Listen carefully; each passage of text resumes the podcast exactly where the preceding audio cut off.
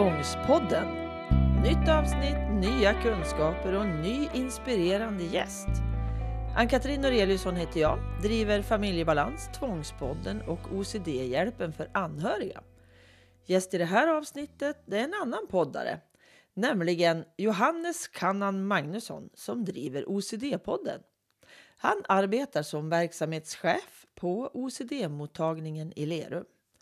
Johannes och jag, vi vill ju vara en del i att skrota skammen. Har du skrotat skammen? Välkommen till Tvångspodden. Tvångspodden görs i samarbete med Comicap. Företaget som brinner för att skapa förutsättningar för ökad livskvalitet hos den enskilde.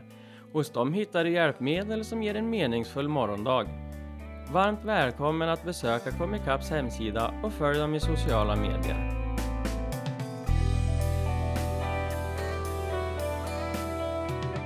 Hej Johannes! Hej Ann-Katrin! Trevligt att få vara med. Ja, jättespännande tycker jag och välkommen då till Tvångspodden säger jag till OCD-podden. Ja, tack. Jätteroligt att vi har blivit inbjudna. Mm, lite extra kul faktiskt när det är någon annan poddare för då blir det jag får, lite, jag får tagga upp lite grann tänker jag. Det behöver jag ju inte göra, men alltså känslan är ju när det är någon annan som gör samma sak eller åtminstone alltså samma inom citationstecken. Men vi har ju till och med samma lyssnare. Mm, det, det, har vi faktiskt. Ja. Men samtidigt så tycker jag det är jätteviktigt och jag tycker det är kul att fler driver poddarna med det här just innehållet som vi har. Mm. Precis. Jag tycker också så. Att det är viktigt att känna att vi faktiskt inte konkurrerar om lyssnarna utan vi kan ge dem en, ett bredare smörgåsbord. Absolut. Tänker jag. Mm. Och du jobbar ju inom regionen Väster, Västra Götaland, heter det så? Ja, jag tillhör Södra Älvsborgs sjukhus men jag servar hela Västra Götaland utifrån det här specialistuppdraget som vi har som regional mottagning. Mm, mm. Precis. Och du kan väl berätta lite mer bara om, om vem du är, Johannes? Ja, men jag heter Johannes Kannan Magnusson. Jag fyller 49 om några dagar. Och eh, jag är i grund och botten sjuksköterska, distriktssköterska och sen är jag då utbildad legitimerad psykoterapeut med KBT-inriktning. Och eh, jag har tre barn, gift och har hund. Mm. Eh, och har alltid brunnit just för att jobba med speciella inriktningar då. Så, mm. Men hur kom det sig att det blev OCD? För det är väl liksom ditt huvudtema, eller? Ja, det har det varit det snart i sju år. Ja. Utan det, om vi, ja, jag jobbade inom Sahlgrenska tidigare med ADHD-inriktning och lite projekt kring detta. Och när jag lämnade där så var jag väldigt intresserad kring att jobba mot olika diagnoser för jag hade också jobbat privat med, mot ADHD och Asperger. Mm. Och då såg jag den här då chansen som dök upp just att det var ett intresse för att grotta ner mig. Och då började jag på något som heter OCD-teamet på Södra Älvsborgs sjukhus. Och då hade ju nästan all personal slutat där och då fick jag en fråga om jag ville bygga upp det igen och på den vägen blev det. Mm. Och sen så blev det massa kontakter kors och tvärs över Sverige och sen så fick vi det här politiska uppdraget och här sitter vi idag då mm. som en fullfjädrad regional mottagning. Då. Precis, helt suveränt. Mm. Helt suveränt, för det behövs väldigt mycket hjälp tänker jag till personer och hela familjen tänker jag, där det finns OCD. Ja absolut, det finns ett enormt stort behov och det mm. finns ju också alldeles för lite mottagningar idag mm. i Sverige mm. som specialiserar sig på detta. Om vi tittar på våra kollegor i Norge där vi har 30 stycken mottagningar, 15 vuxna och 15 för barn. Eh, och det ser vi ju i vårt arbete och just också det här kunskapen till familjer, anhöriga, mm. stöttning och mm. även då patienterna. Och för att inte tala om vårdgrannarna då, kollegorna där ute. Ja, för jag tänker, är ni en, vux, en klinik för vuxna? Ja, det är vi. Vårt uppdrag är inriktat på vuxna. Det finns ju en barn och ungdom OCD-mottagning i Göteborg och sen vet jag att det finns nere i södra Sverige. Men det vi, det vi ser mest brist på, alltså, eller det är brist på båda delarna ja. egentligen, men det är vuxen, ja. Mm. För jag hör ju i, i mina led då, där jag träffar många anhöriga, som har OCD i familjen att det är jättesvårt för många, även med barn, att hitta alltså rätta hjälpen. Absolut, och, och det är ju det, det har, såg vi ju väldigt tidigt också att det räcker ju inte bara att säga att man kan behandla tvångssyndrom för att det krävs också en väldigt specifik ja. kunskap i det och man får nästan hamna, som vi säger, i en nördnivå. Mm.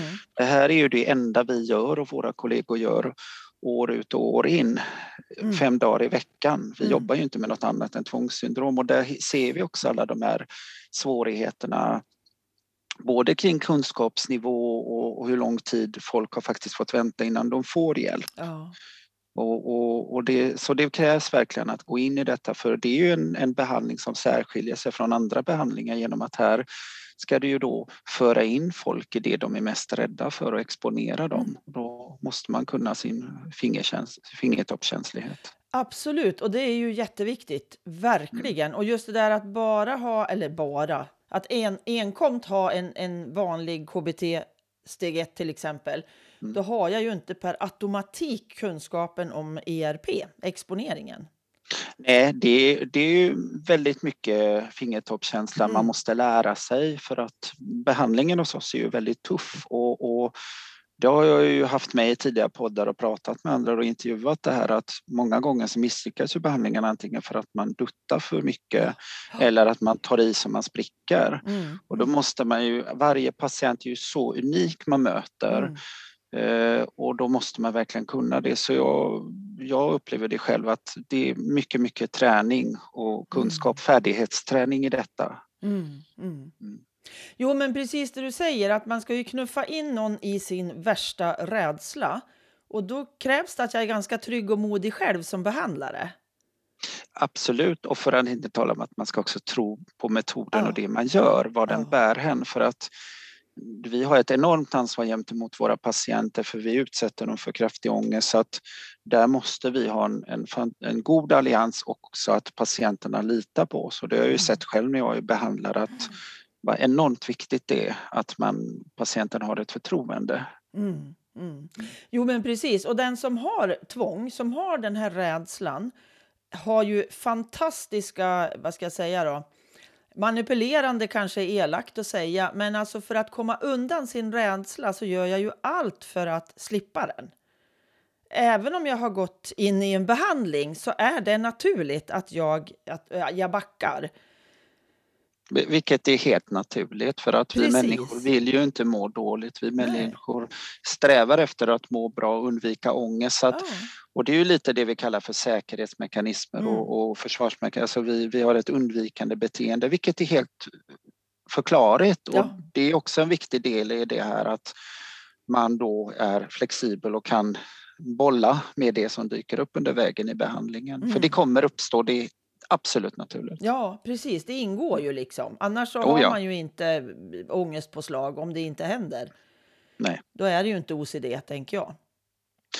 Det, det blir ju svårt annars mm. Eh, för att vi, vi tvångar ju precis för att vi försöker undvika. Jag menar, mm. vi får ju en ångest och ångesten utlöser att vi tvångar för vi blir av med våran ångest. Mm. Eh, och, och, självklart, det som jag säger när jag har utredningarna med patienterna som kommer är att här kommer vi göra något helt annat. Det du har kämpat för att undvika ska vi typ välkomna in i rummet. Mm. Och, och, då får man också hantera de krafterna som uppstår i samband med de situationerna. Precis. Om ERP är lätt, då är det ju inte rätt. Då gör jag inte rätt, tänker jag. Nej, alltså det, det, det, kommer ju ge ångest. Alltså det, det, så är det ju. Mm. Vi måste ju arbeta med det för att utsätta patienten för det man är rädd mm. för, de delarna. Och vi kan ju inte gå kring det och hitta massa sidospår för då har vi inte nått Nej. fram. För det är ju det tvånget vill ju hela tiden Precis. att undvika de här delarna och det är därför också många människor blir så lidande för att de blir så fruktansvärt begränsade mm. i sitt liv mm. på grund av att tvånget tar över. Mm. Men ser du också att om, om man kommer in under behandling ganska tidigt, att det inte liksom har fått eskalera till extrema nivåer, att det är betydligt enklare att eh, behandla det? Ja, faktiskt. Eh, ett behandlingsutfall bygger på väldigt många delar. Sen har vi jobbat med väldigt, väldigt svåra patienter också och där det har hänt väldigt mycket saker. Eh, men om vi tittar så ju tidigare man är inne och så, så, så är det egentligen med väldigt mycket annat om man mm. tittar på tidig debut av ångest, depression mm. hos unga personer. Kan man vara inne där och ge en god psykoedukation, alltså kunskapen oh. av det som sker så har man ju vunnit väldigt mycket i det för att många som kommer tidigt är ju så oroliga och, och känner sig så utanför. Ah. Sen ju, precis som du säger, ju längre tiden går desto mer befäster sig tvånget ja. och sprider sig tvånget. Eh, I grund och botten är det samma tvång mm. eh, men det sprider sig och då är det mer jobb kring och det är där det kommer in det viktiga samverkan då med anhöriga, med hemmamottagningar. Mm. Att där måste man gå ihop då. Mm. Eh, för att nå, det kanske inte alltid att man blir frisk men man kanske får jättebra symptomlindring eh, och får livet åter och det måste man också tänka på. Ja, ja, ja. Och jag tycker också det är jätte, jätteviktigt och bra att du säger det här med anhöriga för att det krävs att anhöriga har kunskap i hur ska jag förhålla mig, hur ska jag göra, hur ska jag svara och hur ska jag göra för att stötta på rätt sätt och inte skälpa den här personen? För många gör, det blir ju när jag inte vet vad OCD är så är det så lätt att gå in och hjälpa till med alla tvång och till slut så duschar hela familjen 18 gånger om dagen. Och det gagnar ju inte den som har OCD. Nej, och det har vi ju sett i att det finns, alltså det, det är tufft att vara anhörig mm. överhuvudtaget när du mm. har en nära och kär som mår psykiskt dåligt. För att ingen vill ju att den närmaste ska ha ångest, så att man stöttar ju. Men vi ser ju också att genom att gå med i tvånget så förser vi också tvånget med bränsle så Precis. att det blir starkt. Mm. Och ibland är det också svårt, det är ju lätt att sagt när man inte är hemma och mm. lever med det hela tiden. Mm. Men där har vi jobbat väldigt aktivt för jag tycker OCD-föreningen är ju jätteduktiga på anhörigstöttning men vi har också försökt göra våra delar genom att vi utvecklade då en psykolog, Isak Blixt och jag tillsammans en förberedande orienteringsgrupp som var först föreläsningar här inför en behandling och då var det en anhörigdel med. Mm. Och i och med nu då eh, pandemin så digitaliserade vi den och la den online externt. Mm. Eh, och, och, där har vi en del med, del tre handlar om just att vara anhörig. Eh, för det är viktigt för man har också väldigt mycket dåligt samvete ja, och det kan jag känna igen när jag jobbar inom missbruksvården med mm. föräldrar där. Man blir arg, man blir ledsen och, och, där behöver man också en stöttning. Sen är ju anhöriga väldigt, väldigt viktiga i mm. behandlingen eh, och ibland kan också de behöva bromsas, att man stöttar dem att nej, nu går du för mycket in i tvånget. Mm, mm. Eh, men det, det, bygger ju precis som du säger väldigt mycket på både att man, man inte fått det stöttningen, kunskapen och då tycker jag att vi har ett ansvar att förmedla det vidare. Suveränt, för det finns inte i alla regioner kan jag säga.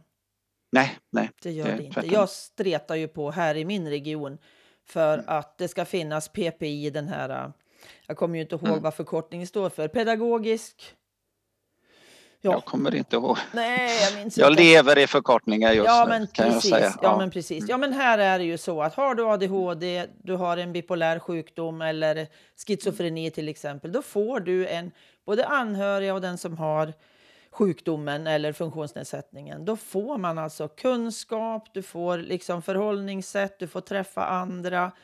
Och det här gör ju jättemycket, men det finns inte för OCD och det gör ju att det brinner i hela mig. Det... Jag tänker man kan ju lära sig mycket från andra delar, till exempel psykosvård mm. och andra delar, Absolut. hur viktigt det är att involvera och jag menar all, det ser vi, såg vi bara när jag jobbade med ADHD och beroendevård, hur viktigt anhörigfaktorn är. Eh, vi får inte ta bort det utan anhöriga kan både vara ett stöd, de kan också skälpa ibland mm. om de mm. är för involverade, om det inte finns en förståelse eller mm. insikt mm. i problematiken. Mm. Eh, oavsett det så tycker jag att man får aldrig förglömma det även om patienten är våran primära då det ska behandlas så i OCD tycker jag det drabbas alla. Ja, så är det verkligen. Mm. Men jag tänker så här, om jag nu har yngre barn, under 18 till mm. exempel, mm. och så får jag inte den vård. För jag hör ju ofta att man skickar en remiss från en vårdcentral till BUP till exempel, så kommer remissen tillbaka. Det här klarar inte vi av. Men alltså, mm. vad gör jag då som förälder?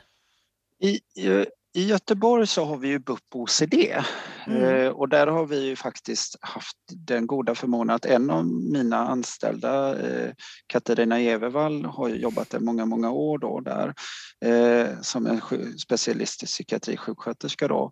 Men där kan man ju skicka och ibland får vi de här förfrågningarna där, där folk frågar vad ska jag göra då tipsar vi om dem för man kan ju skicka då remiss till BUP OCD i mm. Göteborg.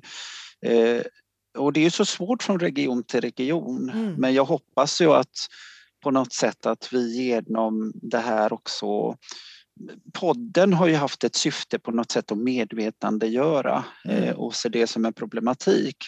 Så vi hoppas att det blir en spridning för vi får faktiskt OCD-föreningar som ringer från andra delar i Sverige som frågar hur startade det upp och mm. där de går vidare att prata med sina då folkvalda politiker. Mm. Jag tror att det behövs en breddning Absolut. jättemycket. Ja.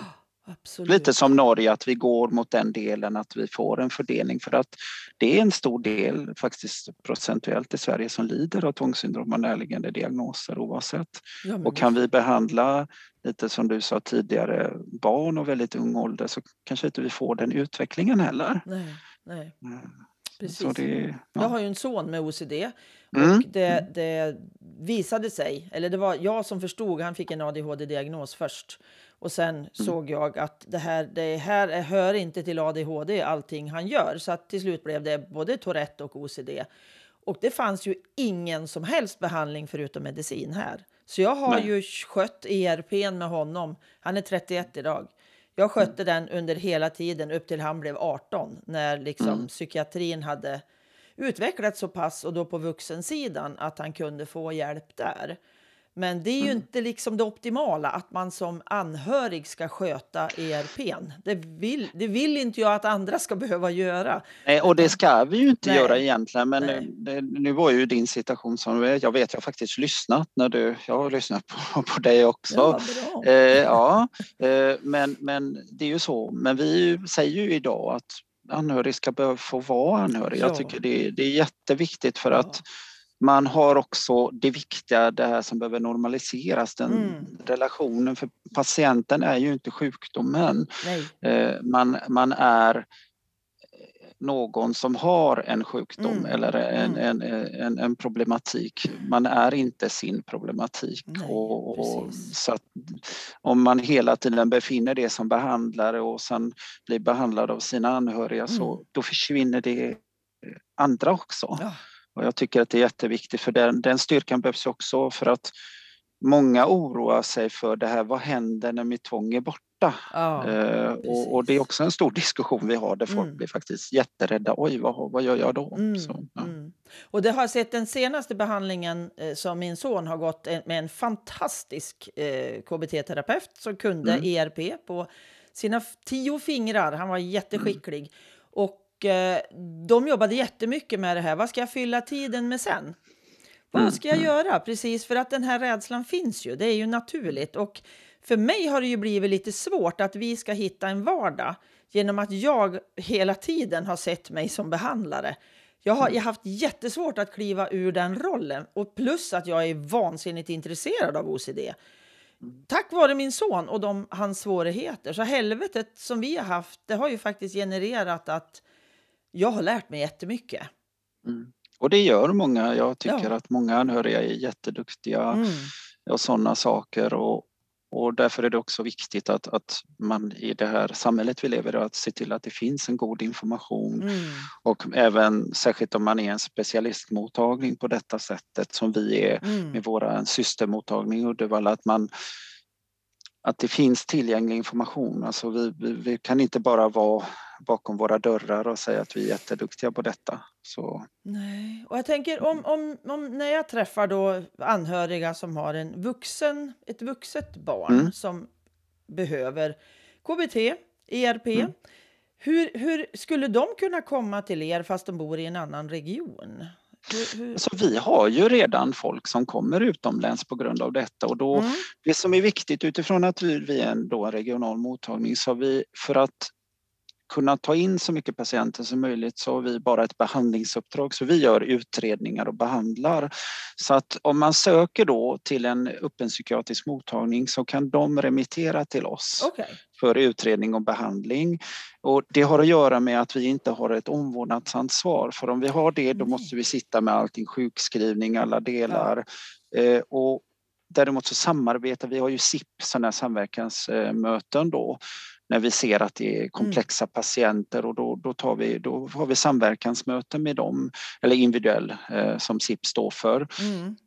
Eh, så det går. Vi har, vi har ju sett då de senaste åren att utomlänspatienterna ökar ju. Mm. Vi ser också att folk ända från bra bit ner i södra Sverige hör av sig. Mm. Eh, mm. Så att eh, det är därför jag också vill se att det här växer. Mm. Men jag sitter ju så väldigt många mil ifrån er. Mm. Och jag tänker, då går det ju i princip inte för människor härifrån kan ju inte åka till Lerum. Vi har, alltså vi har ju fyra mottagningar sammanlagt i Sverige idag som specialiserar sig. jag menar, det är vi, det är vår systermottagning i Uddevalla. Sen har vi ju våra kollegor i Huddinge och Solna. Mm. Eh, det är det inom landstingsreglerat då. Så definitivt så behövs det, men jag måste säga att folk är helt beredda på att åka ändå. Så. Ah. Eh, och jag kan faktiskt förstå det. Mm. Eh, mm. Eh, både som själv som förälder. Eh, att, att det finns det. Innan så var det bara Stockholm, då åkte folk från södra Sverige upp till Stockholm. Ja, precis. Att, och sen det, försöker vi bredda i och med att du vet den digitala eran kommer. Så ja. att vi försöker. Precis. Där är det också viktigt att göra vården tillgänglig för alla. Ja, eh, I och med att vi är, mm. vi är regionala så har vi gjort väldigt mycket behandling också nu digitalt. Vi har ju det här appen Mitt vårdmöte så, mm. så vi har jobbat mycket med det. Vi jobbar mycket med digitala plattformar där vi bygger själv, jag och några till här. Vi bygger behandlingsdelar så att de finns där. Så vi har mycket tankar framåt. Suveränt. Det gör mm. mig så lycklig. För att jag mm. ser ju behovet är ju enormt. Och tyvärr så och, och bor du då, jag bor ju i Hudiksvall. Och bor, mm. vi har ju väldigt mycket kvar av Sverige ovanför mig. Oh, och, ja. Eh, så att det behövs. Och det behövs människor som brinner för den här gruppen. Och jag tänker att det är jätte... Alltså när jag, de jag poddar med som är i professionen, alltså mm. alla har ju en nördighet på OCD. Alltså vi behöver fler nördar. Ja, vi är supernördar ja. kan jag ju säga. Ja, jag vet, eh, barnen brukar säga pappa det är, det är litteratur på OCD överallt hemma. Ja. Så att, eh, ja, det, det, är verkligen den nivån. Så mm. att, men jag brinner jättemycket för detta. Jag tycker det är ett enormt spännande område att jobba med. Jag tycker patienterna är fantastiska mm. eh, som dyker upp som kämpar med det. Eh, den jag önskar att man hade fått träffa dem tidigare. Ja, eh, utan, men det är precis som du säger, man måste ha ett, ett intresse och grotta ner sig. Mm. Ja, för det är tufft. För det är tufft både för behandlare och patient. Och ja, jag tänker ju, ja, ja visst är det tufft för oss, men det är väldigt tufft för patienterna i och med mycket stigma som finns kring tvång. Mm. Om vi tittar på svårare tvång som sexuella tvångstankar ja. och sånt och, och, andra delar och sam, samlartvång till exempel så, mm så är det, ligger det ju mycket stigma mm. Eh, eh, fortfarande i samhället och i vården. Eh, och, och, då är det ju tufft för det är inte liksom lika clean som många andra diagnoser idag eh, som man skriver om i veckotidningar och allting. Eh, och det är också en del jag tycker man måste ta tag i då som vården. Att, att tror vi på någonting och brinner för det så kan vi också krossa stigmarna så att mer folk kan träda fram och våga ta emot behandling. Mm, mm. Nej, men just det här hur man blir bemött när man kommer till, till sin vårdgivare. För att mm. vi var med om en sån här episod där min son han har oftast velat haft med oss eller nu har han sitt personliga ombud med när han går till sin mm. vårdgivare för att han behöver någon som stöttar honom och liksom den där lilla handen i ryggen att han ska våga säga det han verkligen vill säga. Annars så säger han, då säger han att det är bra och det tycker inte han att det är bra att han säger. Så då är det bra att ha någon med sig. Men i alla fall så träffade vi en läkare som eh, frågade då hur Marcus hade det. Jo, men han, han berättade då att han, hans största problem är att han är så rädd för att skada oss. Mm, mm. Och då sa läkaren till honom, men då är det ju det du vill. Och vi höll ju på att ramla av stolarna. Var det värsta jag hört någon gång. Och Marcus vart jättesjuk efter det. Han gick in mm. ännu mer i sitt tvång. Och det här, jag har pratat med högsta chefen inom psykiatrin och berättat om den här episoden. För mm. att så här får det inte vara. Ingen mm. får säga, för det är ju så galet så det är ju inte klokt. För det, det är ju inte det han vill. Mm. mm. Så att det vart jättetokigt. Och det tänker jag är så viktigt för den som då behandlar. Att veta vad tvång är och hur funkar det och hela det här. Mm. Det, det, är helt korrekt. Alltså att det är jätteviktigt att vi måste veta mm. oavsett diagnos mm. vad vi har att göra med mm. eh, och, och, och, inte vara rädd. Eh, och, och, vet vi inte så är det bättre att inte svara. Ja men precis, för att ja. han skrattade dessutom den här läkaren när Marcus och jag sa va? Har all... Nej, mm. vad är det du säger? Ja, men har ni aldrig hört det, sa han. Så säger ju forskningen. Och jag höll ju på, jag kunde ha strypt den där människan kan jag säga. Mm. Men men, jag, jag, fick revansch på det sättet att jag faktiskt berättade om bemötandet. Och, eh, mm. För att det får inte hända igen. För att nu hade Marcus, Marcus har ett otroligt stöd av oss och vi vet vad det handlar om. Så vi kunde ju mm. stötta honom. Men han hamnade i alla fall på psykakuten efter det här. För det blev för mm. jobbigt för honom. Det är ju allvarligt och man mm. måste, vi måste alltid tänka på bemötande, det är mm. jätteviktigt. Och mm. sen vilken laddning personen är i. Mm. I och med att det är så laddat, vi, det är, många är ju livrädda. Jag vet bara folk med sexuella tvångstankar ja. där, pedofila tvångstankar, de är så rädda när de kommer hit. Ja, och därför så måste man också möta det på korrekt sätt. Mm. Ja, för folk kan ju i princip gå hem och ta liv av sig nästan om man får helt fel signaler de blir väldigt rädda, ja. svarar jag. Och det ja. måste man ta hänsyn till och, och det är mm. därför det är så viktigt. Jag brukar säga att man måste kunna sina delar man jobbar med. Mm. Eh, och just här ser vi ju att det är en grupp som just stigmat är jätteviktigt mm. att jobba kring för att får du bort det så vågar folk också söka mer. Då mm. vågar man också prata om det. Och när vi börjar prata om saker så tappar ju också sakerna deras makt. Ja, men exakt. För allting i skuggorna, där, alltså i min fantasi, är ju 7000 gånger värre än när jag har uttalat det och ser att någon inte säger ja men herrejösses, det där var väl inte så konstigt eller ja, alltså man blir, man får fel kommentarer till sig utan att man blir tagen på allvar och att någon förstår hur, hur jag lider. Men därför jag. är det viktigt med kunskap och det är också ja. en del varför vi syftet jag ja. startade podden. Det var ju det här att sprida eh, som en professionell verksamhet, mm. informationen. Alltså för, för poddar finns det ju, precis som du driver din podd, finns det ju poddar, men just vi som jobbar inom det, att mm. driva detta där det står bakom det här. Det här är från Västra Götalandsregionen, mm. Södra Älvsborgs sjukhus. Alltså, vi måste också liksom visa detta. Mm. Hur länge har ni haft OCD-podden? Jag började egentligen med allt manus 2017 eh, började jag grejerna. Sen tog det tid att få igenom alla delar för det skulle mm. ju följa då en norm och sånt. Så januari 2019 släppte vi första avsnittet. Okay. Men eh, allt material började redan arbetas med tidigt, tidigt. Så under mm. 2018 brände jag på och började spela in då hade jag annan utrustning och sen 2019 januari kom första avsnittet då. Men, men idén började ju 2017 augusti mm. egentligen då. För jag hade poddat själv innan och tog redan upp det med ledning att jag tycker att vi, vi, det här ska följas som en riktlinje att vi ska göra oss granskningsbara. Mm.